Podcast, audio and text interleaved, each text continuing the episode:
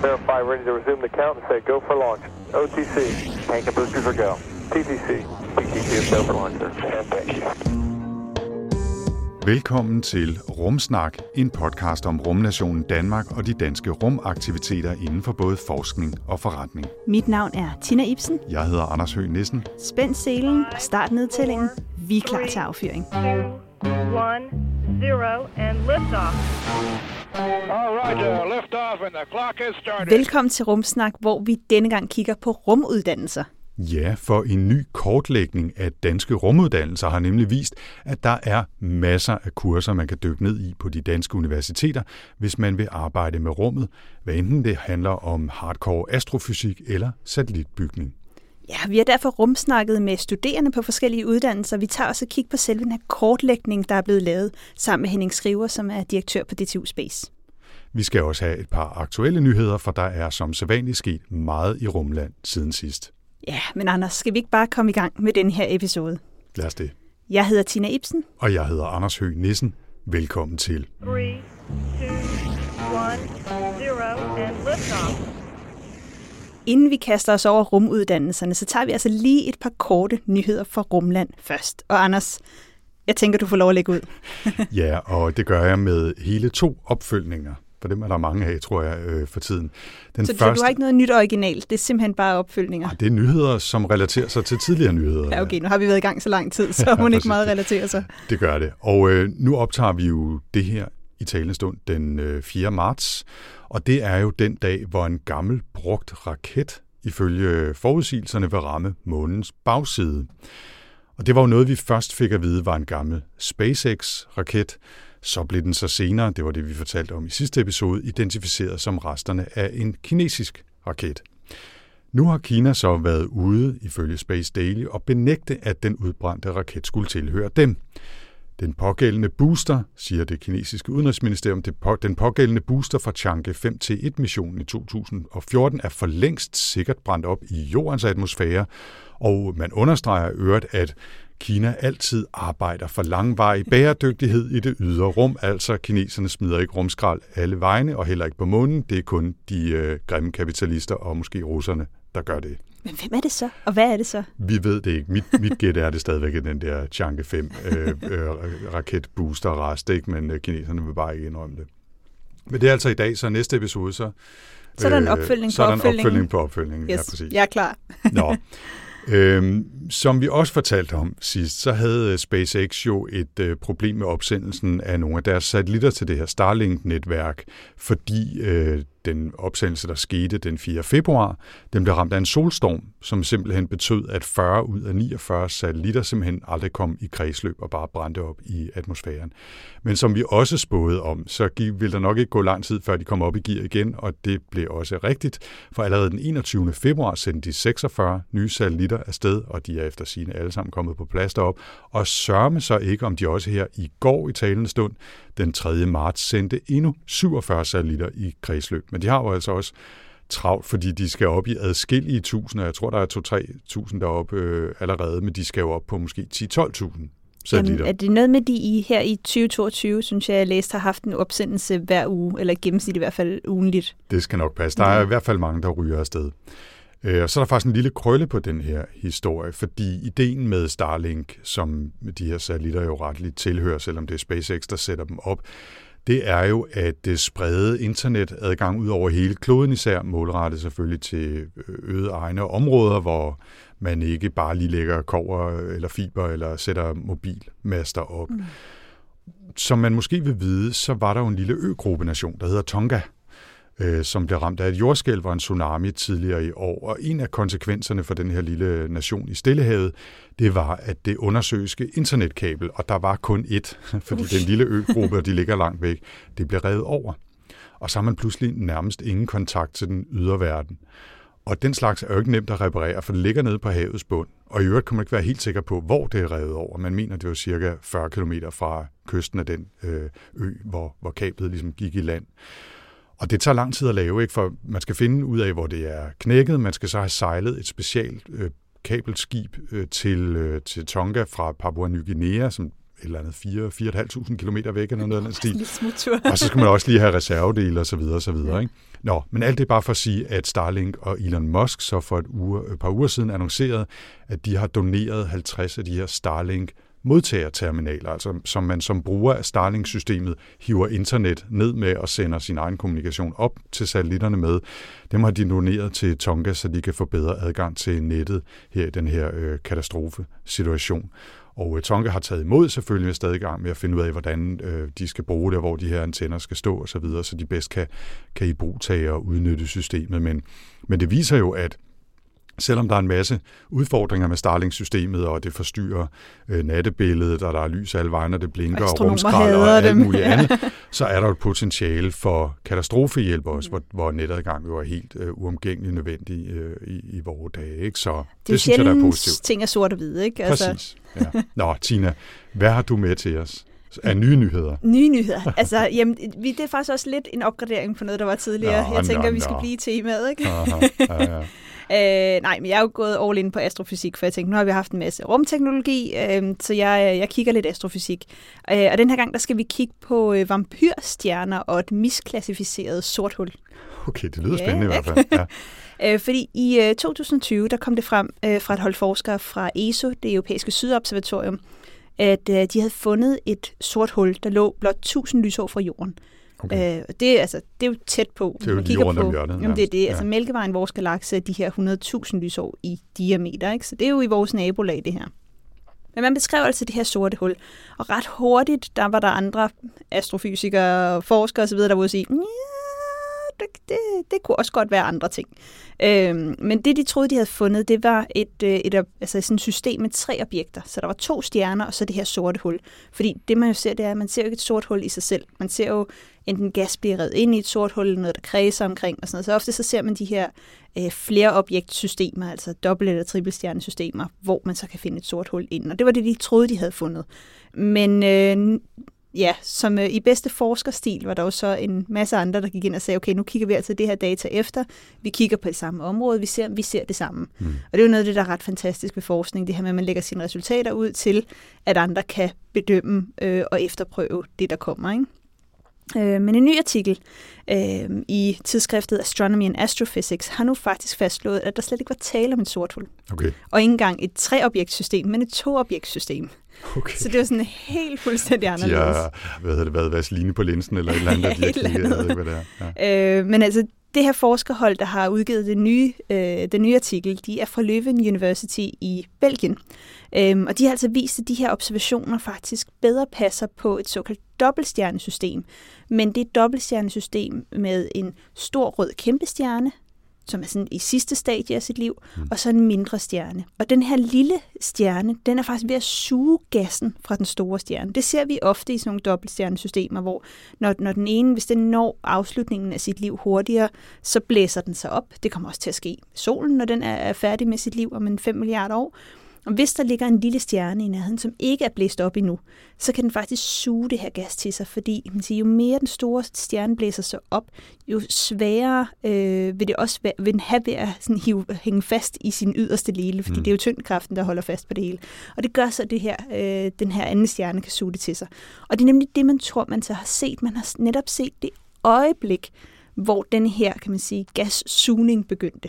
Og det er også det, man ofte kalder sådan stellar vampirism, eller stjernevampyrisme. Jeg ved ikke, om man kan sige det på Det kan man dansk. godt, jo. jo, jo. Øhm, så selvom det ikke er et sort hul, så faktisk det her øjeblik, hvor den her gas begynder at blive suget til den anden stjerne, øh, det er jo bare altså et splitsekund, hvor det begynder at ske, men man har faktisk aldrig set det her øjeblik før. Og det er derfor, det er super spændende, fordi netop det her, når vi har en lille stjerne, der suger mere materiale til sig, det kan i sidste ende gå hen og skabe øh, nogle særlige typer af supernovaer. Øhm, og man har gerne vil forstå selvfølgelig hele processen i, hvad der sker, øhm, og hvordan de her supernovaer bliver til. Mm. Så vi gik fra sort hul til supernova og vampyrisme og alt muligt andet. Men, øh, men det er altså det, der har kommet frem i den her nye Ja. ja. artikel, som jo ja, fuldstændig smadrer den gamle artikel, men så kommer ud og siger, men det var faktisk spændende, det de så alligevel. Jeg skulle sige, det Ja. lyder nærmest mere spændende. Altså, jo jo, jeg vil da gerne have, det lyder mærkeligt, jeg vil gerne have, at der var et sort hul tæt på, så vi havde bedre mulighed for at observere det. Mm. Men det her, det lyder også spændende. Ja. Så jeg kan ikke lade være med at tænke på, ja, ja, den suger noget fra den anden, men det, man kunne måske også sige, at det var en kannibalstjerne. Så måske en, en kannibal-vampyr, eller en vampyr-kannibal-stjerne. Jeg ved det ikke. I hvert fald så tænker jeg, Ja, at jeg jeg, har også hørt kan- kannibalisme. Det bruger man også i flæng ude i, i rummet. Om altså jeg forstår ting. bedre og bedre, hvorfor du læste astrofysik, fordi der, der er virkelig drama på det, det, det er, må man det sige. er ikke bare kedelige ligninger. Nej, det er det i hvert fald ikke. Nå, øh, i en lidt anden og mere alvorlig afdeling, Tina, så bliver vi simpelthen også nødt til at have en lille øh, politisk sektion her i Rumsnak. Det er ikke så tit, vi kommer ind over det, men det gør vi altså i den her omgang, fordi lige nu der ligger verden jo i en eller anden form for sanktionskonflikt med Rusland efter Putins invasion af Ukraine. Og det har jo også konsekvenser for rumfart og rumforskning, og der kommer hele tiden nye nyheder til, så det kan være, at når man hører det her, så er der allerede sket 10 andre ting. Ikke? Men i konfliktens øh, tidlige dage inden selve invasionen, der gik Dmitri Rogozin, som er direktør for det russiske rumagentur, han gik ud med hvad kan man sige, slet skjulte trusler om, at ISS formo- formodentlig ville styre til jorden, hvis de vestlige rumagenturer deltog i sanktionerne mod Rusland. Og det lyder jo lidt vildt, men det er fordi, mm. at øh, fremdriftssystemet faktisk sidder i det russiske modul, som sørger for, at, øh, at ISS holder sit omløb der 400 km eller så øh, oppe over jordens overflade. Så i princippet kunne de godt bare slukke for, for det hele, og så ville ISS på et eller andet tidspunkt skvatte ned. Ikke? Om det er ret interessant, hvordan det der med, at man har fuldstændig delt det op. Altså sådan, så står det russiske modul for det her, det amerikanske modul står for noget, og det kan ikke virke uden det ene eller det andet, vel? Nej, nej. Øhm, Det var en total øh, selvmordsmission, kan man sige, ikke? men. Ja. i princippet kunne de gøre det. Ja. Det er jo ikke nødvendigvis nogen særlig konkret trussel, men, men det kan jo godt være sådan en del af propagandaen, ikke? Mm. Og, og, og det kan jo godt, altså på den lidt længere bane betyder det her samarbejde med ISS går op i limningen, hvis ikke øh, konflikten bliver afklaret på en eller anden måde inden alt for, for mange måneder. Ikke? ja, i år meget tidligere, end det man egentlig havde forestillet sig. Ja, for der har altså, faktisk også for nylig været, været meldt ud, hvad, det, hvad planerne egentlig er for at øh, dekommissionere ISS og få den til at falde ned, det der, øh, den der kirkegård ude i Stillehavet, hvor, hvor, hvor mange andre ting er, er faldet ned også. Nå. Lidt mere konkret så har vores ven Rogozin her fra det rum, øh, rumagenturet i, i Rusland, han har meldt ud, at øh, de 87 russiske videnskabsfolk, som har arbejdet på opsendelserne fra fransk Guyana, ikke længere vil hjælpe til. Og øh, de vil heller ikke, altså Roscosmos Rokosmos øh, vil heller ikke opsende nye satellitter til OneWeb-systemet. Det er sådan en slags Starlink-konkurrent, ikke? altså noget med at sprede øh, net via satellitter ud til hele kloden. Og det betyder faktisk på det stadie, hvor det er nu, at OneWeb-systemet slet ikke kan fungere, hvis der ikke bliver sendt flere satellitter op. De skulle have sendt 36 nye satellitter i kredsløb med en Soyuz-raket her i øh, slutningen af februar. Det skete ikke, og det kommer næppe til at ske indtil videre. Russerne siger, at de ikke vil gøre det, fordi de er bange for, at OneWeb kan bruges til øh, militære formål, og det siger OneWeb, nej, det kan vi ikke, men de vil ikke arbejde med russerne nu, så de har også aflyst alle de opsendelser, der skulle være foregået mm. resten af, af året. Ikke? Og så ser det jo også ud til, at den her ExoMars-mission, øh, som skulle have launchet øh, Rosalind Franklin, roveren, her i øh, senere i år. Jeg ja, faktisk det ikke var huske i præcis, hvornår det september var. oktober, der er opsendelsesvindue i hvert fald. Ja, den er forvejen blevet skubbet et par gange på grund af corona, ikke? Men, men, og var det øh, 18 og så til 20, og så skulle den have været op i år, ikke? Præcis, Ja. ikke? men, men den, den launch er også blevet udsat på ubestemt tid, mm. fordi øh, den aktuelle konflikt. Ikke? Ja. Ja. Okay, it's a nice ride up to now. Nå, Tina, lad os øh, forlade det øh, triste øh, politiske her i, øh, i rumsnak, men vi forlader ikke helt det med nyhederne. Vi har et par bonusting selvfølgelig. Det, det er faktisk lidt rumsnak-relateret, så vi graver igen lidt i egen navle. Det er jo bare noget, vi gør for tiden, inden vi går videre til at tale om rumuddannelserne. Mm. Jeg fortalte sidste gang om den her BBC-rumserie om universet, som øh, er super flot og spændende, og som jeg så i al beskedenhed har lagt den stemme til, som skulle have været ude på DR.dk den 1. marts, men blev ramt af hele den her Ukraine-ballade og skubbet. Men nu forlyder det fra sædvanligvis pålidelig kilde, hej Kirsten, at øh, første afsnit er på programmet på DR2 fra i lørdags, når du hører det her den 5. marts kl. 21.30, og at alle fem afsnit formodentlig øh, ligger på DR.dk TV nu. Og titlen er heldigvis bibeholdt, Vores uendelige univers hedder den. Og som sagt, vi optager fredag, så øh, fra vores tidslinje, så kommer den i morgen, og der kan jo nå at ske tusind ting, så det er ikke sikkert, at den kommer, men det er det, som planerne lyder på. Jeg har i hvert fald weekendplanerne klar nu. Det er godt. Og vi fortsætter faktisk lidt i vores egen verden med lidt servicemeddelelser, fordi den næste episode, episode nummer 51 i rækken, mm. øh, den kommer til at handle om UFO'er. Sådan, selvfølgelig gør den det, ikke? Mm. Øh, Area 51. Og vi laver nemlig endnu en live-event med lidt optakt og baggrund, og så simpelthen en live-optagelse af episoden, ligesom vi gjorde første gang her i efteråret øh, sidste år. De tre gæster er Jakob Stikkelmann, Frederik Dirk Skotlieb og Troels C. Petersen, og der er altså stadig billetter, så hvis du har lyst til at komme med, så tjek linket i show notes, så kan du gå ind og bestille dine billetter, og så er du i hvert fald sikker på at få en plads. Kan også finde linket via rumsnak.dk, og så igen, hvis vi fortsætter lidt navlepillende, så er vi jo lige gået i luften med nyt design af vores hjemmeside, så forhåbentlig er det lidt nemmere at finde lidt nyt øh, og aktuelt om rumsnak-begivenheder, finde link til podcasten, og så videre, og så videre. Og selvfølgelig er der jo også et link til vores webbutik, hvor vi jo så stadig har rumkopper og rumnotesbøger, som man kan få fingre i. Lidt rumsnak, merchandise. Præcis.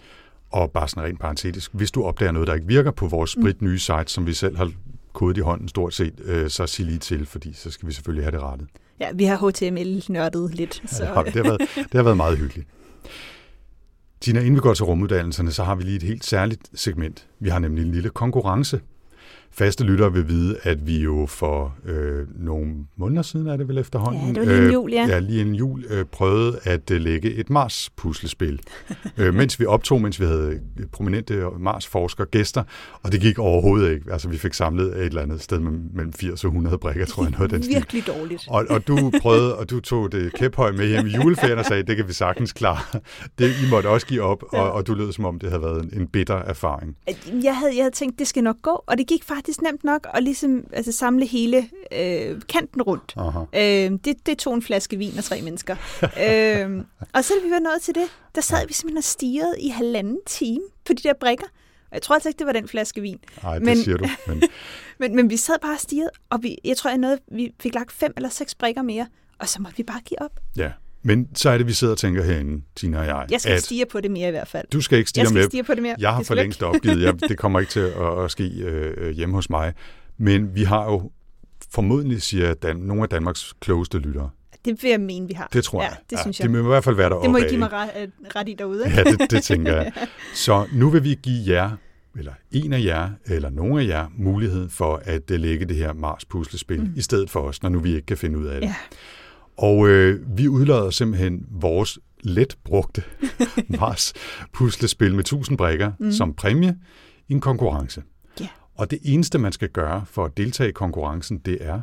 Jamen, man skal gå ind på vores Facebook-side eller vores Instagram-profil, og så skal man finde det øh, opslag, vi kommer til at lave, som ligger oppe.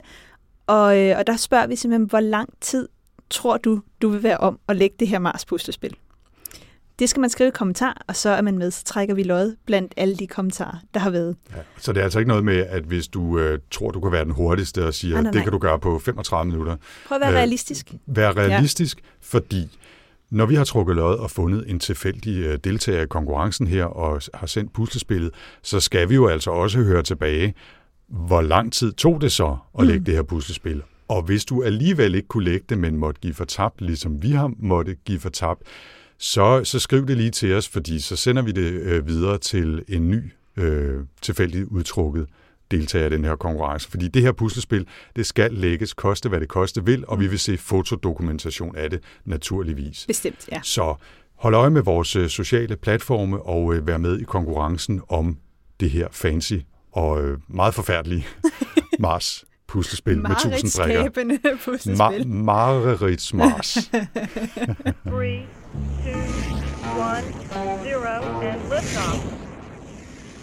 Men Anders, nu skal vi også til dagens tema. Fordi nu har vi i godt to og et halvt år lavet rumsnak. Mm-hmm. Og der er to ting, som du meget ofte siger. Okay. Det her, jeg har næsten skrevet noter, så jeg har det for episoder og så videre, men det, det må lytterne derude give mig ret i. Det ene er, du siger altid, med far for at gå ud af en tangent, hvorefter du øh, kaster dig øh, langt ud af en eller anden tangent. Okay, guilty as charged. Og den anden er, jeg burde altså have læst et eller andet med rummet. Er det rigtigt? Det er sådan så. Øhm, og nu er det faktisk sådan, Anders, at øh, den 15. marts er der optag på kvote 2. Ja. Så øh, det kan være det nu, vi skal sende dig tilbage på skolebænken. Ja. Ja. Øh, og med det, så tænker jeg jo også, at det vil være super spændende så at lave en lille udsendelse om, hvad er der egentlig af muligheder inden for de her rumuddannelser. Ja. Altså nu hvor du øh, bringer det op, altså jeg kunne jo godt være fristet, ikke? Jeg kunne måske godt lige nå at smide en, øh, en ansøgning sammen. Jeg ved ikke, om jeg rigtig har lavet så forfærdeligt mange ting, der vil kvalificere mig til at, at sende en kvote 2-ansøgning ind. Men, Rumsnak. men ja, ja, måske ikke. Altså, og nu laver jeg heldigvis mange spændende ting, inklusive rumsnak også, som, som gør, at jeg får lidt afløb for den der interesse. Ikke? Men oprindeligt, altså ikke for at grave dybt ned i min historie, men oprindeligt, så ville jeg jo have været ingeniør. Det var dengang, det hedder at være civilingeniør. Mm. Øh, og, og det gik så galt på et tidspunkt, ikke? Men, men det kunne da, en gang imellem, så har jeg tænkt, om måske kunne jeg godt være samlet op, så kunne jeg være blevet satellitbygger eller et eller andet sted, ikke? Og, og jeg læser jo også masser af bøger, der handler om, om kosmologi og astrofysik og, og, og den slags ting, ikke? Så, så interessen er der jo, altså. Øh, det er mere et spørgsmål, om jeg, jeg lige har evnerne og muligheden til at kaste mig ud i en uddannelse, ikke? Så kan rumsnak være studiejobbet måske. Ja, ja, eller måske skal jeg bare holde mig til rumsnak, ikke? Men Tina, i modsætning til mig, så har du jo rent faktisk taget en vaskeægte rumuddannelse. Ja. Hvordan var det studie? Jamen, øh, jeg læste jo, jeg gik jo all in, og så læste jeg øh, fysik og astronomi på Niels Bohr Instituttet her i København, der lige har fejret sin 101-års fødselsdag. Ja, tillykke. Øh, tillykke til jer, og til os alle sammen. Øh, så, så det er lidt anderledes end de to studerende, vi kommer til at tale med øh, senere i episoden her. Øh, men på Københavns Universitet, der er det meget sådan, at man går i dybden, øh, og man går ned og siger, men hvordan er det, tingene fungerer? Så det er jo et studie, hvor man går ind og har en masse matematik og en masse fysik. Så det første stykke tid, det er simpelthen at arbejde med at forstå kvantemekanik og termodynamik og elektromagnetisme og alle mulige forskellige typer af, af ny matematik, man ikke har fedtet rundt med før. Øh, og al den viden bruger vi jo så til at sige, jamen, hvordan er det så stjerner fungerer, hvad er dynamikken i galakser, galaksesammenstød osv. Øhm, og jeg må indrømme, jeg synes, det var enormt hårdt at komme igennem de der basale fysikkurser. Øh, kurser fordi jeg havde lidt svært ved at se, hvad de skulle bruges til. Og så starter man ud. Det første astrokursus, man har, det er kosmologi, som måske er noget af det mest hardcore, man Ja. kommer i nærheden af. Man skal lige have Øh, sort- sorteret forne for bukken. Jamen, det der, der røg halvdelen og smuttede over til geofysik. Øh, Mhm, så, Men du blev men hængende. øh, jeg blev hængende. Jeg er masochist, jeg ved ikke helt. men, øh, men jeg blev hængende, for jeg synes, det var, jeg synes, for mig har det altid været astronomien og astrofysikken, der har været spændende. Det andet har været redskaber til at forstå universet. Øhm, så, så derfor valgte jeg også rigtig meget af laboratoriearbejdet fra, øhm, og valgte at virkelig dykke ind i, i fysikken og astronomien. Mm. Men, øh, men det er jo sådan meget af de her øh, ja, gammeldags, eller nogle af de første astronomi-fysik-uddannelser, hvor man kigger meget grundforskningsmæssigt på det, man går meget i dybden, og det ser vi mest på Københavns Universitet og på Aarhus Universitet. Men vi har jo virkelig set bare fra dengang jeg startede i 2005, og så til nu, der er poppet mange flere uddannelser op. Øhm, og det er jo også noget af det, der viser, at jamen, lige nu er rummet altså bare hot, og der er mange muligheder. Øh, og det er ikke, kan man sige, bare at kigge ud i universet og forstå universet, men der er jo altså også det her meget tekniske, hvor Danmark også virkelig er begyndt at, øh, at komme med. Hmm. Ja, så lad os få øh, lidt mere inspiration øh, og input til snak om rumuddannelser, og vi har blandt andet talt med et par studerende i det her afsnit. Så lad os stille om først til vores snak med Linda Christoffersen, der netop har afsluttet sin kandidatuddannelse på DTU Space i Lyngby. Five, four, three, two, one, zero, and liftoff. Jeg hedder Linda, jeg er 26 år. Jeg har lige afsluttet min kandidat øh, i linjen Geofysik og Rumteknologi på DTU. Og, og Linda, hvorfor var det, du valgte netop det studie, geofysik og rumteknologi i sin tid? Jamen, det var faktisk en ret lang vej, jeg havde. Jeg vidste ikke helt, hvad jeg gerne ville, og DTU lå ikke lige til højre benet for mig. Øh, så havde jeg nogle klassekammerater, der skulle til åben hus på DTU, og så tænkte jeg, jeg kan jeg kan lige tage med, og så kan jeg se, hvad det er. Om ikke andet finde ud af, at det ikke var mig, hvis det var det, jeg nåede frem til. Og jeg blev simpelthen blæst bagover af begejstring. Det var så spændende, og folk var så passionerede, og det var nørdet på en helt fantastisk måde, og folk var virkelig stolte af det, de lavede. Og så kom jeg stille og roligt hen på, at det var geofysik og rumteknologi, jeg skulle læse.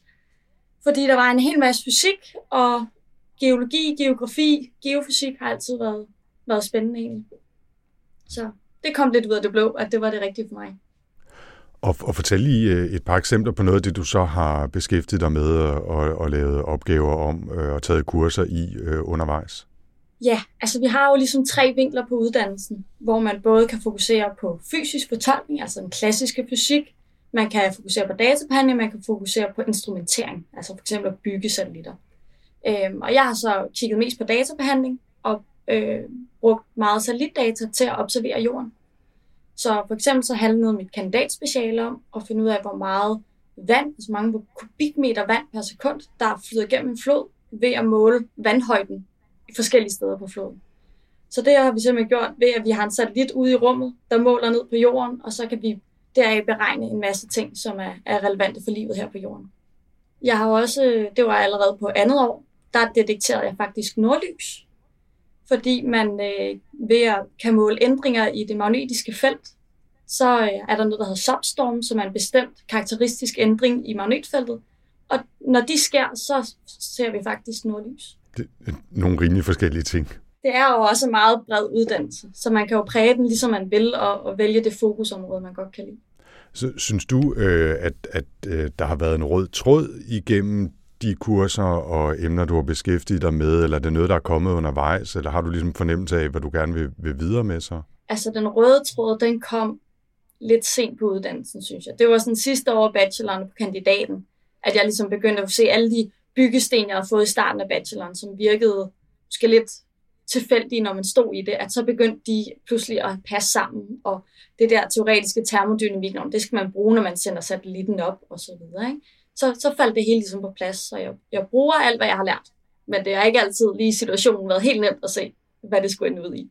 Jeg ved ikke, om det er et, et øh, spørgsmål, der egentlig er til at svare på, Linda, men hvor meget fylder rummet, altså og ideen om rummet, og at det er rummet, øh, du og I beskæftiger jer med, øh, hvor meget fylder det, eller har det fyldt for dig i, under studiet? Jeg tror, det kommer til at fylde så meget, som man gerne vil have det til at fylde. For på DTU, der har man en fjerdedel af ens uddannelse, som er valgfag. Det kan man frit vælge blandt alle DTU's kurser. Så hvis du er vildt interesseret i rummet, så tager du alle rumfagene. Hvis du er mere interesseret i geofysik, som jeg har været, så, så tager du selvfølgelig de fag. Så jeg ved, at mange af mine studiekammerater, de har virkelig arbejdet med rummet og den klassiske relativitetsteori og, og det hele. Så det er jo, man har meget mulighed for at præge det selv.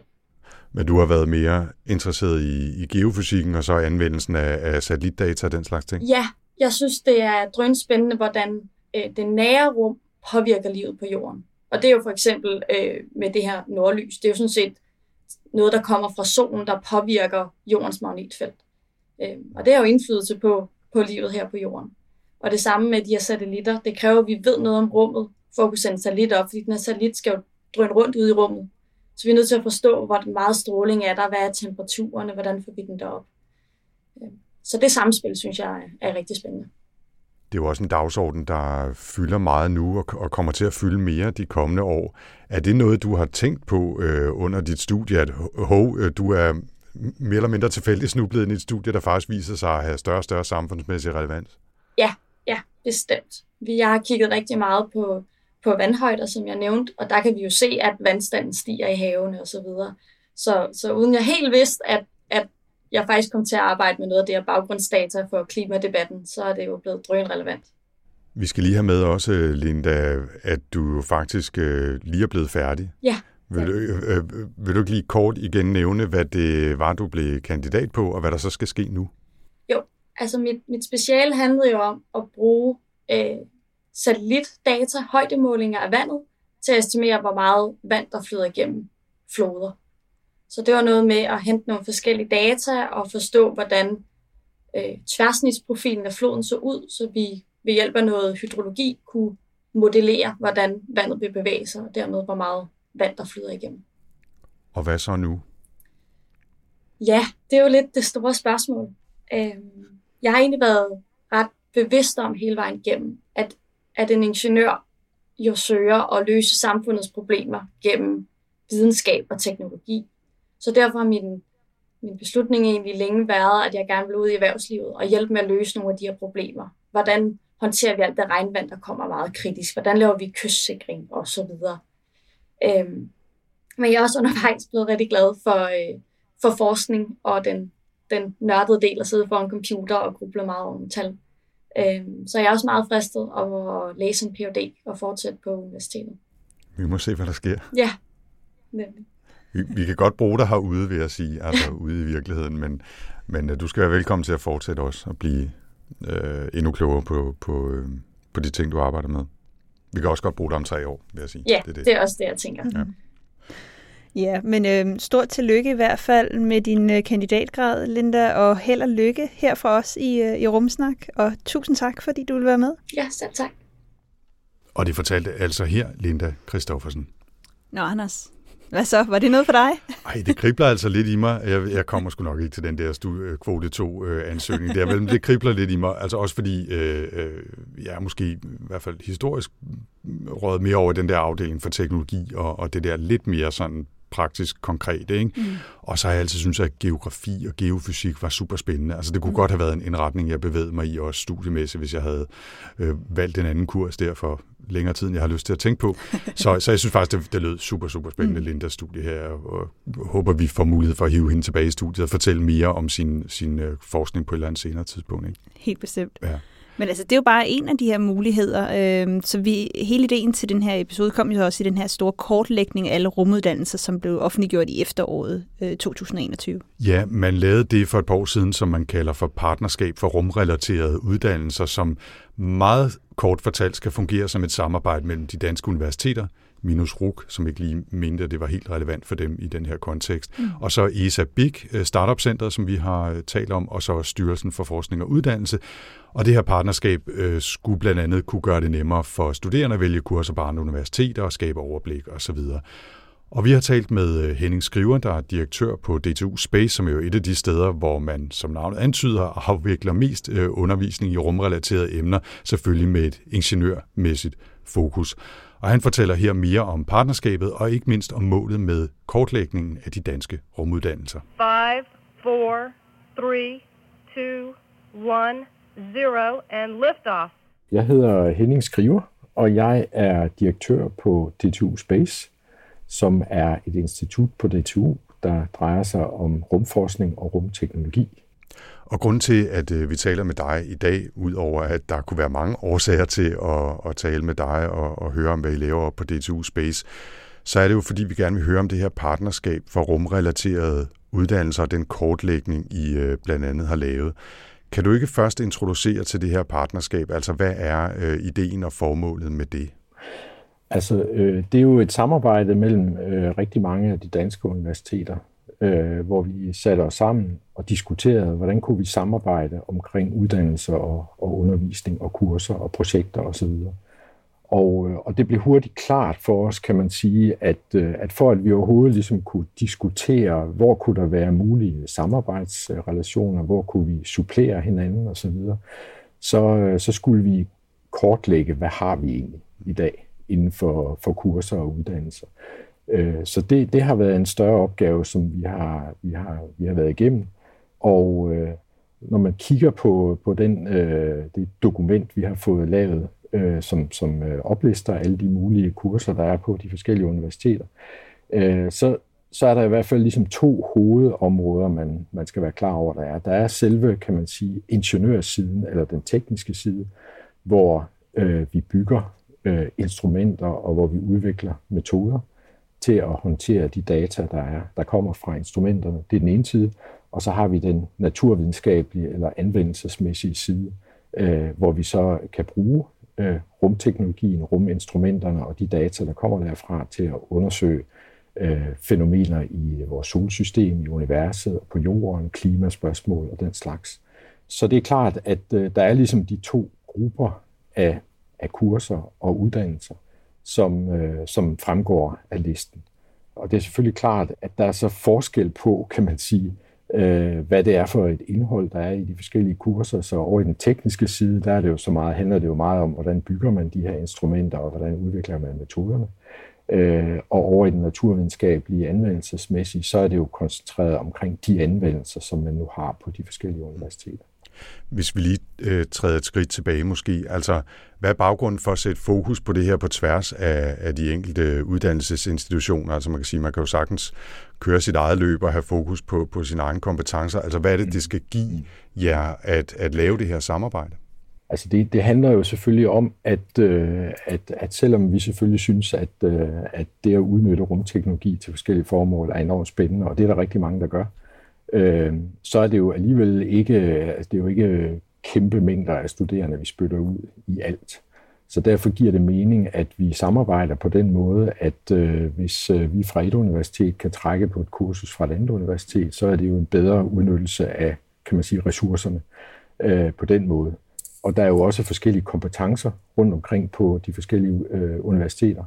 Øh, så, så det er klart, at det giver jo den mulighed, kan man sige, at en studerende, som er indskrevet på et universitet, kan trække på øh, øh, kompetencer og ekspertise på et andet universitet, i stedet for at øh, man så på det første universitet i virkeligheden skulle til at opbygge den kompetence. Det, det er jo i virkeligheden i mange tilfælde en dårlig brug af ressourcerne.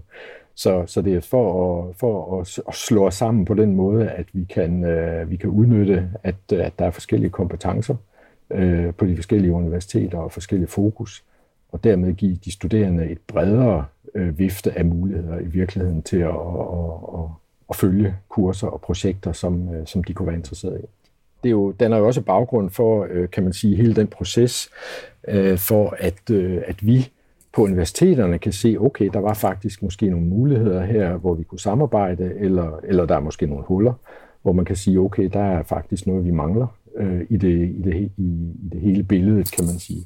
Så, så jeg synes faktisk, at det har både været en god proces, at vi har haft en, en vældig god diskussion og et forløb, øh, men også et godt resultat, som gør, at vi faktisk kan se, at ja, der er faktisk nogle ting her, hvor vi øh, supplerer hinanden vældig godt. Ja, næste skridt er jo så også, tænker jeg, at I skal gøre de studerende opmærksom på den her mulighed. Øh, er det arbejde, der er i gang nu, øh, eller, eller hvordan øh, har I tænkt jer at opbære jer med det? Ja, det, det foregår jo så på den måde, at øh, de, de respektive studieledere på uddannelserne rundt omkring, de bruger så det her værktøj til, at når studerende øh, er interesseret i måske at de kommer med, med en eller anden, øh, et emne, som de kunne tænke sig at, at, at, at vide noget mere om, og så, øh, så har man måske ikke det på universitetet, så kan man så kigge på den her oversigt og se, var der andre muligheder? Og, og der er jo altså der er jo et helt fuldstændig formelt system til, at man kan øh, tage kurser på andre universiteter, så der er ikke nogen på den måde formelle problemer i det. Det er i virkeligheden altså mere et spørgsmål om at vide, hvad er der egentlig på de andre universiteter, som kunne være interessant. Og det, øh, det gør de forskellige studieledere så for uddannelserne. De bruger så det her dokument nu til at, at, altså, at vejlede de studerende i virkeligheden. Jamen, hvis vi så tager øh, og går til kortlægningen og prøver at kigge på den, øh, kan du rise sådan et par hovedpointer op fra, fra, hvad I fandt ud af, da I satte jer sammen og kiggede på, hvad er der egentlig er muligheder på de danske uddannelsesinstitutioner? Ja, altså det, der vil jeg jo sige, at, øh, at det, er jo, det er jo faktisk imponerende, så mange forskellige øh, kurser, der er rundt omkring, øh, og en stor, stor variation og stor, øh, altså stor emnerighed i virkeligheden. Øh, så det er jo... Øh, og det, det var i hvert fald noget, jeg ikke var klar over, at der er så mange forskellige, som man faktisk kan, kan udnytte på de forskellige universiteter. Øh, så, så det giver jo et, et fantastisk godt, øh, en fantastisk god baggrund for en, en studerende til at se, okay, var der eventuelt noget på et andet universitet, som kunne være interessant i, i, i øh, vedkommendes uddannelse. Så, så det synes jeg var, altså det var i virkeligheden hovedresultat, det var, at, øh, at det var faktisk øh, ret imponerende i virkeligheden, øh, når vi lægger det hele sammen. Ikke? Og så øh, synes jeg egentlig også, at øh, det komplementerer hinanden vældig godt. Altså, vi, øh, vi er ikke ude i, at øh, der er 10 kurser af den samme slags øh, på universiteterne. Slet ikke. Altså, vi, er, vi har sådan set et, øh, et forskelligt fokus på de forskellige universiteter, og som gør, at øh, det, det ser egentlig meget fornuftigt ud. At, øh, at, at vi til sammen så dækker i virkeligheden et stort, øh, et stort spænd af forskellige aktiviteter. Hvis jeg ellers husker ret, øh, Henning, så øh, fandt de på det øh, tidspunkt, de lavede kortlægningen, cirka 211 forskellige kurser på, på de deltagende universiteter her i, i partnerskabet. Øh, så vil jeg så også sige øh, for egen regning her, så har I altså også fået det hele med. Ikke? Altså, der er også nogle kurser, hvor jeg, hvor jeg tænker, når jeg i princippet kunne man godt lave noget med rumteknologi på et kursus, der handler om digital elektronik eller et eller andet. Men, men hvad, hvad er baggrunden for ligesom at, at gribe øh, så bredt ud, at I også får nogle ting med, der ikke er direkte rumrelateret? Jo, men det er klart, det er selvfølgelig, det er selvfølgelig altid et spørgsmål om, hvor sætter man grænsen, ikke? Øh, og, og der har vi så valgt at sige, okay, det er sådan set bedre at tage lidt for meget med, end, end for lidt med, ikke? fordi altså, det er klart, at hvis en, øh, en studerende ser, at jamen, det der kursus, det har jeg sådan set i forvejen på mit eget universitet, så er det jo ikke interessant. Så det er, altså, det var, der var ikke nogen, øh, der var ikke nogen, hvad skal vi sige, plan om at få så mange kurser med som muligt. Så, så det var i virkeligheden at sige, okay, så øh, lad, os, lad os tage det sådan, at, at vi ikke, altså, vi ikke går for snævert til opgaven, kan man sige. Mm, god pointe. Nu er det jo en kortlægning, og, og I har jo primært set på, hvad der var derude, og prøvet at, at få det hele med. har det givet anledning til at overveje, om der måske var nogle ting, der manglede? Altså områder, hvor I tænker, ej, det, det bliver vi simpelthen nødt til at koordinere imellem os, at vi skal have nogle flere kurser i den retning eller noget? Altså, det vil jeg så sige, det er så det, det, der, det der forestår jo. Altså, øh, Øh, det, det er vel næste punkt, kan man sige, i samarbejdet. Det er at prøve at se, er der nogle steder, hvor vi faktisk kunne samarbejde. Altså, vi har allerede taget hul på det. Vi har diskuteret for eksempel nogle forskellige muligheder for at lave sommerskoler, øh, hvor vi har samarbejdet øh, på tværs af universiteterne. Øh, så, men, men det er en af de ting, som vi nu begynder at kigge på, det er på basis af det her. Er der så nogle ting, hvor det kunne være fornuftigt, at vi faktisk samarbejdede? Hvis vi lige skal forsøge at, at runde af, øh, som et helt åbent spørgsmål her til sidst, øh, Henning. Altså, på den lidt længere bane, altså lad os sige 3, 5, måske endda 8 år ude i fremtiden, hvad, hvad øh, skal så være resultatet af det her partnerskab og øh, af det, I, I lærer gennem kortlægning her? Altså hvad er det for en, en fremtid, I drømmer om, hvis jeg lige skulle svinge mig helt op på de høje navler her til sidst? Jamen, øh, jeg tror sådan set, at vi har startet et, en, en proces, som, som sagtens kunne ende i, at vi får et endnu tættere samarbejde mellem øh, universiteterne, øh, og dermed udnytter, kan man sige, ressourcerne bedre. Øh, både, kan man sige, undervisningsressourcerne i form af undervisere, men jo også i form af infrastruktur, fordi der er jo mange af de her øh, kurser og projekter, som kræver, at man har en vis øh, infrastruktur. Øh, og det, det er jo normalt dyrt. Øh, så der kan jo der kan sagtens, jeg kan sagtens forestille mig, at vi, øh, vi kan se ind i en, øh, en situation, hvor vi så samarbejder omkring det at øh, et universitet har en infrastruktur, et andet øh, universitet har en anden, og dermed kan man så deles om det, kan man sige. Og dermed jo også være med til at lave, øh, altså at lave stærkere kandidater øh, i den sidste ende, ikke? altså nogen, som, som er, er bedre klædt på til at komme ud og, og bidrage til samfundet. Og det fortalte her altså Henning Skriver, direktør på DTU Space, øh, som har været en del af arbejdet med kortlægning af rumuddannelser i Danmark.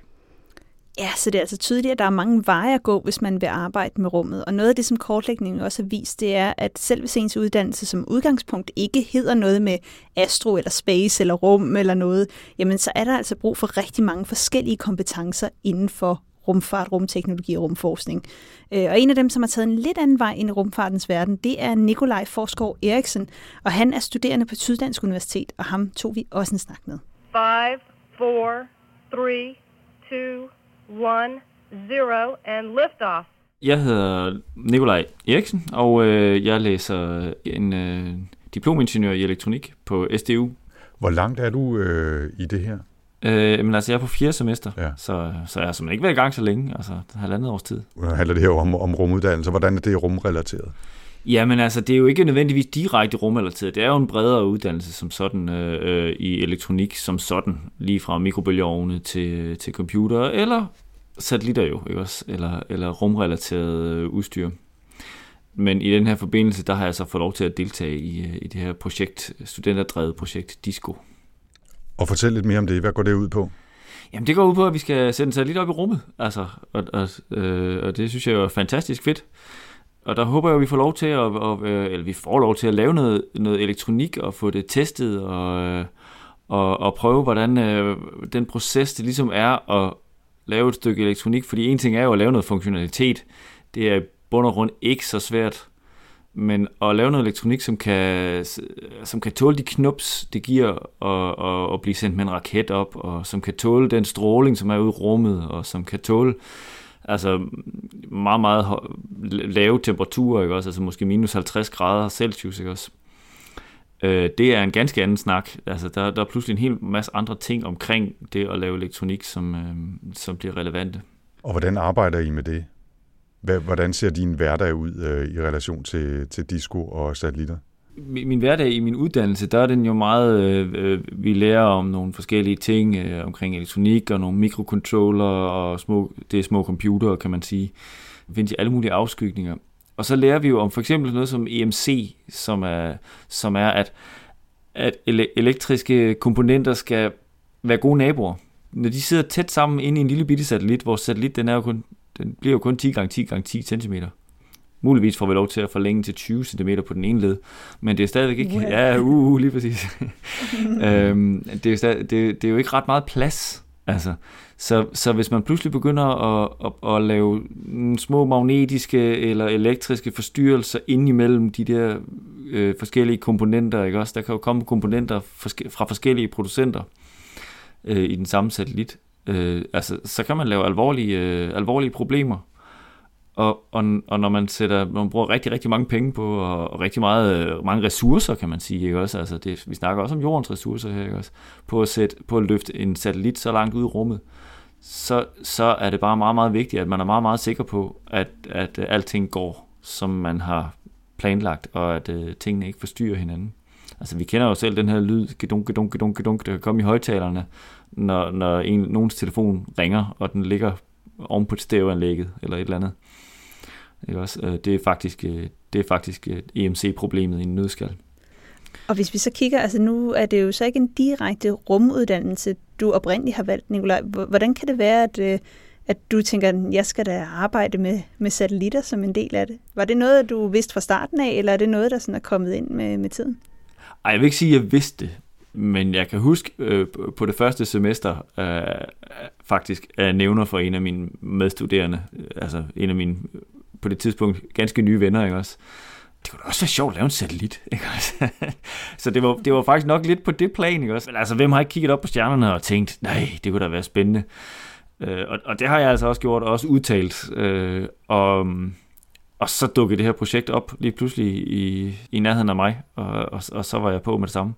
Altså som, som barn, så, øh, så havde jeg en kammerat, og, og vi, vi synes jo, at verdensrummet var utrolig spændende. Alt lige fra satellitter til supernovaer og, og UFO'er, og hvad vi ellers skulle komme i tanke om. Vi byggede UFO'er op i SFO'en og sådan nogle ting. Det var, det var meget underholdende, og, og så købte vi faktisk en kikkert sammen. Øh, og og, og, og der, der så jeg da også en, øh, en, øh, en UFO, er jeg sikker på. okay. Ja, ja jeg, var, jeg var så 12 år gammel, ja. det var jeg i hvert fald sikker på. Vores næste episode handler jo om UFO'er og UFO-observationer, så, øh, ja, ja. så det kan være, at jeg bruger, jeg bruger det der lille klip imod dig. Åh oh, ja, det, det kan være. Ja. Ja. Ja. Hvad, hvad er målet med det her projekt med jeres satellitter? Altså, øh, skal det sendes op på et eller andet tidspunkt, og ved I, hvornår det skal ske, og arbejder I frem mod en deadline? Hvordan foregår det? Ja, altså, altså DISCO som sådan er jo et samarbejde mellem, øh, mellem fire universiteter. Øh, SDU og Aarhus Universitet og Aalborg Universitet og øh, IT-universitetet. Og det er meningen, at vi skal sende tre satellitter ud, alt i alt, i det her samarbejde. Og vi har så et samarbejde med DISCO 3, som er den tredje satellit, som, øh, som forhåbentlig kommer op i 24. Og, og Disco 1 kommer forhåbentlig op øh, nu her i 22 til sommer og Disco 2, jeg kan ikke lige huske, hvad, hvad planen er med Disco 2, men man kunne forestille sig, at det var i 23 også. Så, så hvad skal jeres uh, Disco 3-satellit uh, kunne, Nicolaj? Jamen, det ved vi faktisk ikke endnu. Det er jo det, at vi, vi begyndte jo faktisk uh, her i, uh, i november, og, og, og man kan sige, uh, det allerførste, vi egentlig er gået i gang med, det er jo faktisk at lave kommunikationen til en satellit. Og der er vi jo simpelthen så heldige, at uh, Disco, Disco 1 kommer op her til sommer. Så Altså vores første deadline, det er at lave kommunikation, så vi er klar til at kunne kommunikere med Disco 1 til sommer. Så vi er i gang med at lave en ground station lige nu, så vi er faktisk i gang med at lave et, et, et rigtigt stykke, hvad skal man sige, øh, jordnært, i bogstaveligt forstand arbejde, ikke også? Som, øh, mm. hvor, hvor, vi skal have, hvor vi skal have nogle antenner op på taget, og, øh, og at der er mange sådan almindelige praktiske problemer omkring det, som handler om, kan vi få lov at lave hul i taget? Altså, øh, øh, meget, meget banale. Vi skal jo have nogle ledninger ned jo, altså. Øh, og vi kan desværre ikke overføre det med wifi, så vi øh, som minimum er vi nødt til at føre nogle, nogle, øh, nogle LAN-kabler eller et eller andet. Så det er faktisk vores, øh, vores allerførste opgave, det har været at, at få lavet den der, få lavet en indkøbsliste af ting, vi skal købe, og få fundet ud af, hvorhen, hvorhen det skal stå, og jamen, altså altså nogle helt praktiske ting.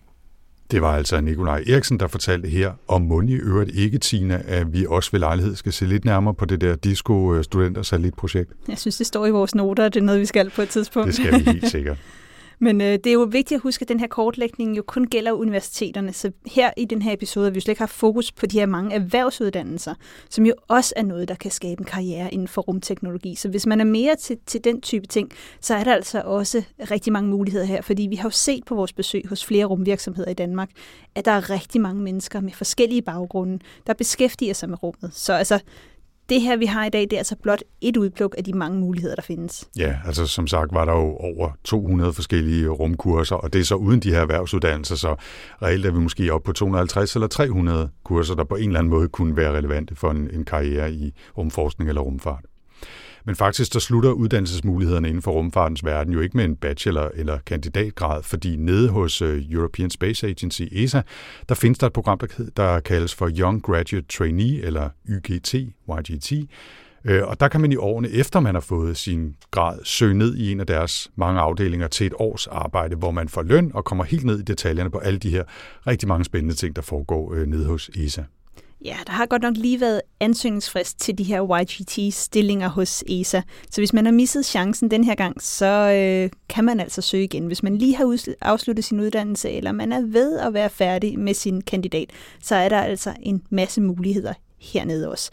Og til at fortælle lidt mere om det her program, så har vi øh, snakket med Michael Lindholm Nielsen, som selv var nede på STEC i et år i Holland, som sådan en YGT. 5, 4, 3, 2, 1 zero and liftoff. Mit navn er Michael, og øh, jeg er uddannet astrofysiker fra Aarhus Universitet i 2012. Og så har jeg arbejdet med en hel række, en hel vifte af opgaver inden for teknisk formidling, undervisning, projektledelse og dataanalyse. Og det, som jeg skal til i gang med lige om lidt, det er sådan lidt om dataanalyse, men jeg laver stadigvæk noget formidling siden af.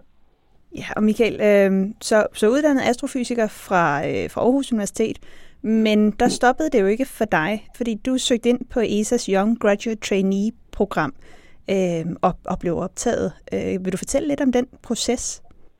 Det vil jeg gerne, fordi det er sådan, at når man er færdig med sin, sin kandidat, det kan være inden for astronomi eller fysik, det kan også være mange andre naturvidenskabelige eller ingeniørmæssige fag, og faktisk så rækker det også helt over de økonomiske fag, fordi det har de også brug for dernede så har man mulighed inden for de første par år, efter man er færdig med sin uddannelse, at søge ned i det her ESA Young Graduate Trainee-program. På det tidspunkt var der omkring 80 stillinger, man kunne søge, og så øh, handlede det simpelthen om at gå ind og kigge, kigge på de, øh, de enkelte opslag og se, hvad er det, hvad kan jeg byde ind med i de her øh, stillingstyper, der nu er. Så valgte jeg at søge den, der ligger ved ESA's uddannelseskontor, øh, hvor fokus lå på øh, Øh, formidling til, øh, og undervisning til, øh, til øh, folkeskole og gymnasier. Og øh, det man så kommer til at, at, at, have, og, hvad hedder det, arbejde med, når man sidder dernede, jamen, det er de aktuelle missioner, øh, som der lige kører på det tidspunkt. Øh, så for mig på daværende tidspunkt, der var det omkring Rosetta-missionen.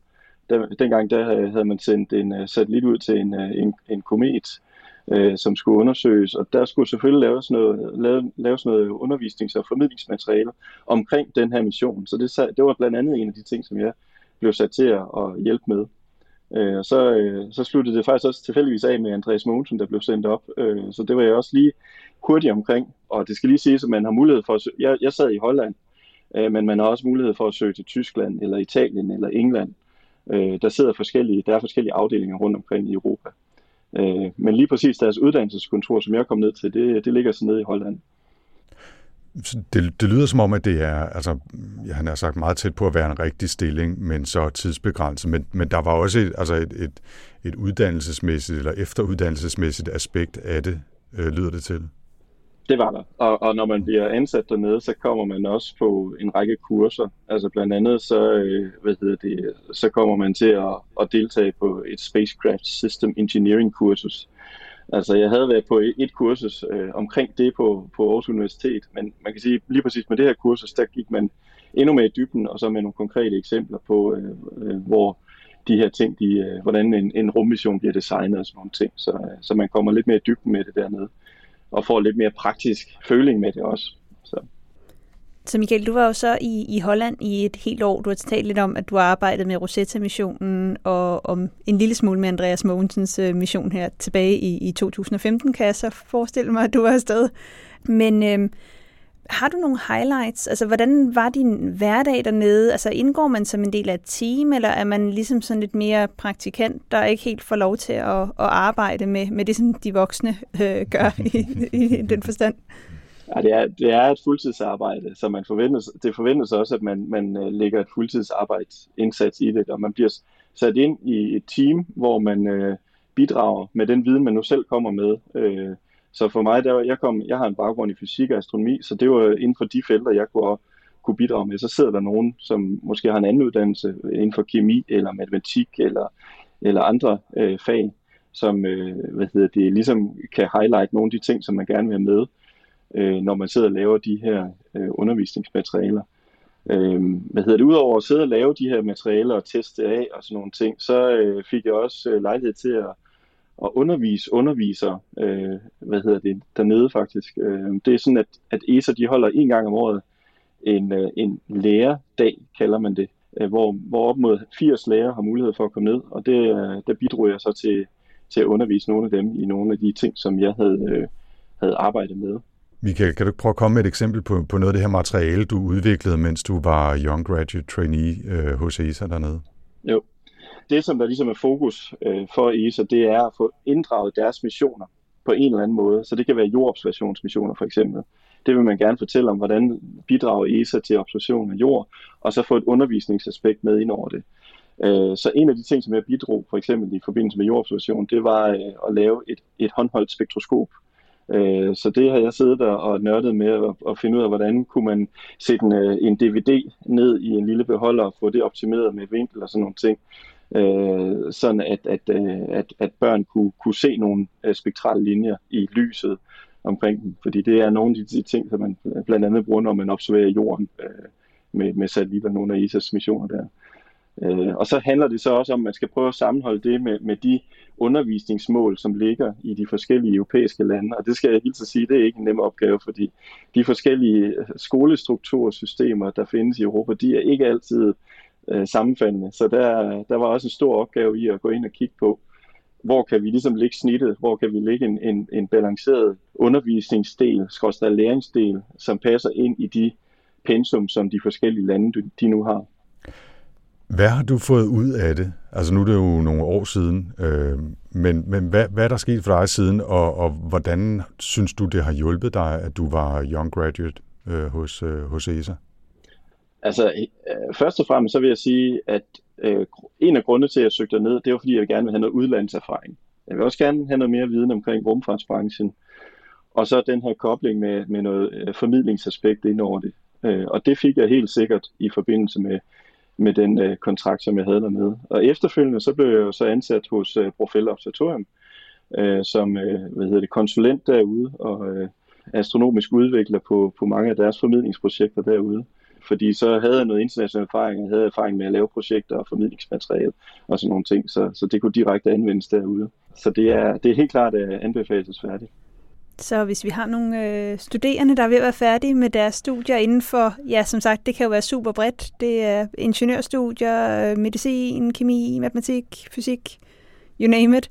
Så, øh, så ved de, hvor de skal henvende sig, hvis de skal have nogle fif til at komme ned til ESA. det er bare i orden. Det var altså her Michael Lindholm Nielsen, der fortalte. Og så tror jeg også, Anders, at vi har været godt omkring alle rumuddannelser. Øh, jeg håber, at øh, du er blevet inspireret, Anders. Ja, der, måske. jeg har ikke helt afvist Du får ikke lov til at droppe rumsnak, så skal det være et studiejob det, det i hvert fald. Ikke? Så. Ja, ja, ja. Men uh, vi håber også derude, at uh, I er blevet inspireret. Så hvis du kender et, menneske, et ung menneske i din omgangskreds, eller et ændret menneske, der tænker, at de skal skifte uh, Og så kigger du på mig. Retning. Ja, okay. uh, så linker vi altså naturligvis til den her kortlægning af de uh, uddannelser, vi har talt om i vores show notes. Og med det er Rumsnak landet for denne gang. Og næste gang bliver det spændende, fordi der, der afholder det også spændende. Ja, super meget mere spændende, fordi der afholder vi nemlig live, og det kommer til at handle om besøg fra rummet. Uh, vi har hele tre gæster klar, nemlig Jakob Stikkelmann, Frederik Dirk Skotlieb og Troels C. Petersen, som kommer og fortæller om deres respektive emner. Det hele optages i Empire Bio på Nørrebro den 16. marts, så hvis du vil med, så find link til billetter på vores show notes. Og hvis man ellers gerne vil vide mere om Rumsnak, så kan man finde os på Facebook, hvor vi har vores egen side, og på Instagram.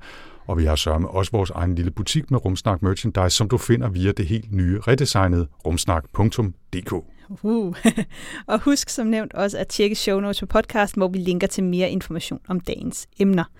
Øh, og hvis man har spørgsmål eller kommentarer, så kan man skrive til os på Twitter med hashtagget rumsnak, eller man kan skrive til mig. Jeg findes på at tina Ibsen. Og jeg hedder Anders, stadig 4ND3RS på Twitter. Vi tager altid meget gerne imod input og idéer, og husk også, hvis du synes, det har været spændende at lytte til Rumsnak, så er du meget velkommen til at dele med familie, venner og andre nysgerrige. Og som vi så ofte siger, så vil det også være rigtig fornemt, hvis du har lyst til at give os nogle stjerner og noget feedback i Apple Podcasts. Vi takker uanset hvilken rating du giver, og uanset hvordan din feedback lyder. Alt modtages med kysshånd. Rumsnak er støttet af Novo Nordisk Fonden og bliver produceret af Potlab. Jeg hedder Tina Ibsen. Og jeg hedder Anders Høgh Nissen. Tak for denne gang. And thank you.